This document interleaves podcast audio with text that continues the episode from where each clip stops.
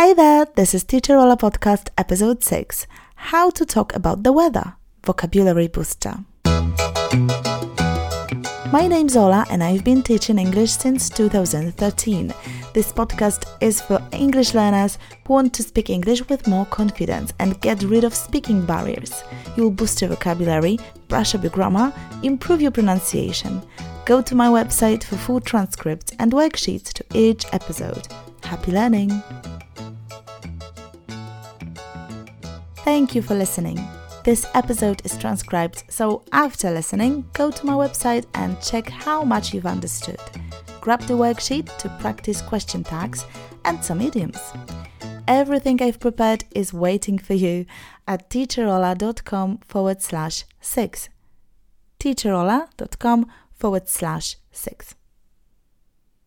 In this episode, you'll hear about the cultural background for weather talk you'll get to know what common dialogues look like, and finally, we'll deal with some vocabulary, word patterns, and collocations.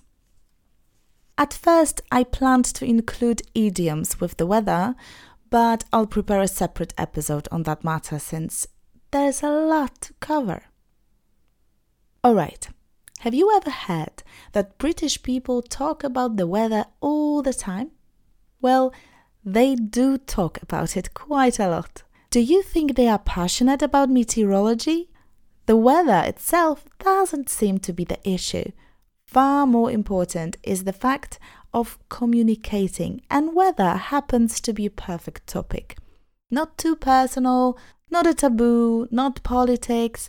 The weather is safe, a neutral conversation starter. But not only. Weather conversation can be employed anytime awkward silence appears. It's a perfect icebreaker as well. Most importantly, in my opinion, it's a really common way of making the first contact with a stranger. Small talk. Remember to always agree, no matter if you like the weather or not, if you consider it too cold or not, agree with the speaker the reciprocal agreement is expected and delivers a message which says, I'd like to talk to you some more. That's the information you transmit. It's like a code. It's an interesting subject, and I suggest doing some research on Englishness if that's something you're keen on. Okay, let's now have a look at some typical weather talk examples. Nice day, isn't it? Hmm, yes, isn't it? That was dialogue number one. Have a look at dialogue number two. Oh, isn't it cold? Yes, isn't it? At least it's sunny. And dialogue three. Still raining, huh? Mm, yes, but at least they say it's going to clear up tomorrow. Okay, the last sentence in the third dialogue was Mm, yes, but at least they say it's going to clear up tomorrow. It's going to clear up, it's going to stop raining. Those three dialogues are typical examples of weather talk.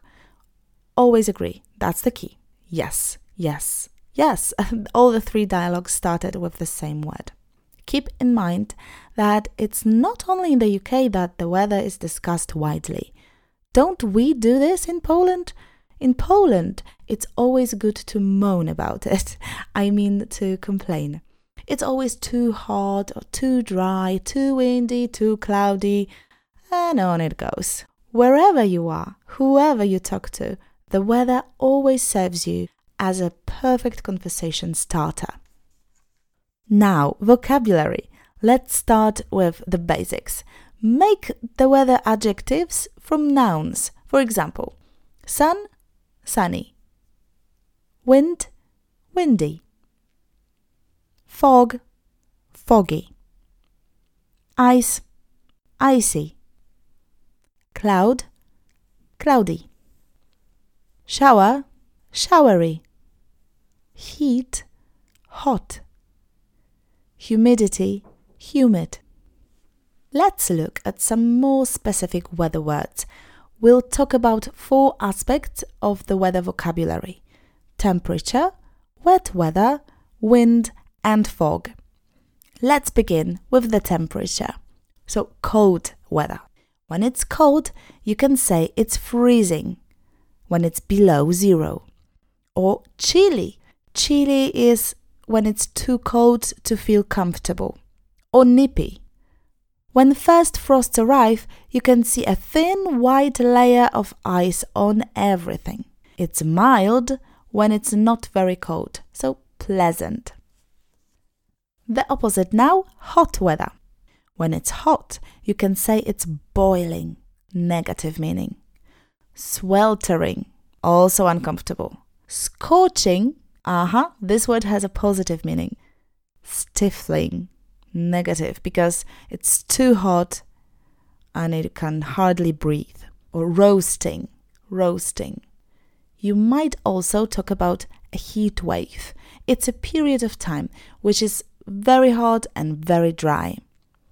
Close or stuffy weather, it's when it's warm and uncomfortable because there's not enough fresh air. When it's humid, you feel sweaty because it's damp and warm. More synonyms to humid, um, you can say it's muggy, it's clammy.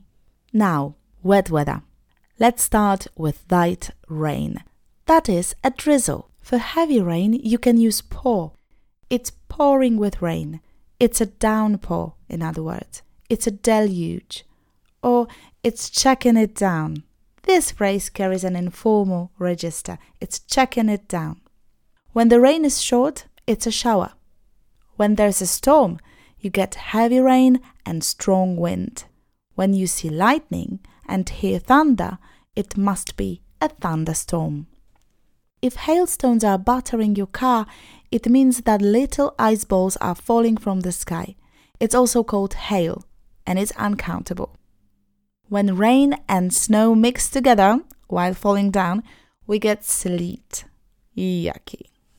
When it hits the ground, after some time, we find it's brown, dirty, half snow, half water, and that's called slush. Like this frozen dessert, um, slushy easy to remember. If the temperature is low enough, the falling snow settles and it creates a white covering. It doesn't melt, it settles. When strong wind meets with the snow, we get blizzards. Then the spring comes and the temperature falls down and it's thawing. The temperature is low enough for the snow to melt. Okay, wind. The basic word here is windy. It's windy, but there are alternatives. It's blowy, it's breezy. When the wind is strong enough to blow your umbrella away, it's a blustery day. And the last thing for today fog. When there's a light mist caused by the heat, you say it's hazy. Oh, mist, by the way, it's a light fog caused by a drizzle, for example. Fog, on the contrary, is thicker and we associate it with cold weather. I'm sure you know what smog is. This word is a blend of two other words, smoke and fog. We're just about the end, but first let's practice. Repeat out loud. Bit chilly today, isn't it? Yes, it's freezing, isn't it? It's really hot today, isn't it?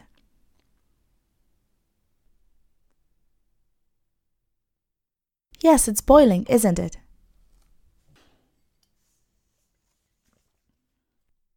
Now, have you learned anything new today? Did you know words like slush or sleet? Let me know what you did not know before this episode. Hey, one more thing. What's the weather like now? leave a comment at teacherola.com forward slash six. Don't forget to grab the worksheet with some idioms and question tags. If you think someone you know could benefit from this episode, do tell him or her about it. Don't miss the next episode because I know you'll love it. We'll have a closer look at the lyrics of the song Shallow by Lady Gaga and Bradley Cooper. If you don't know the song, Play it now and show up next Wednesday. See you then. Have a beautiful week. Happy learning. Bye bye.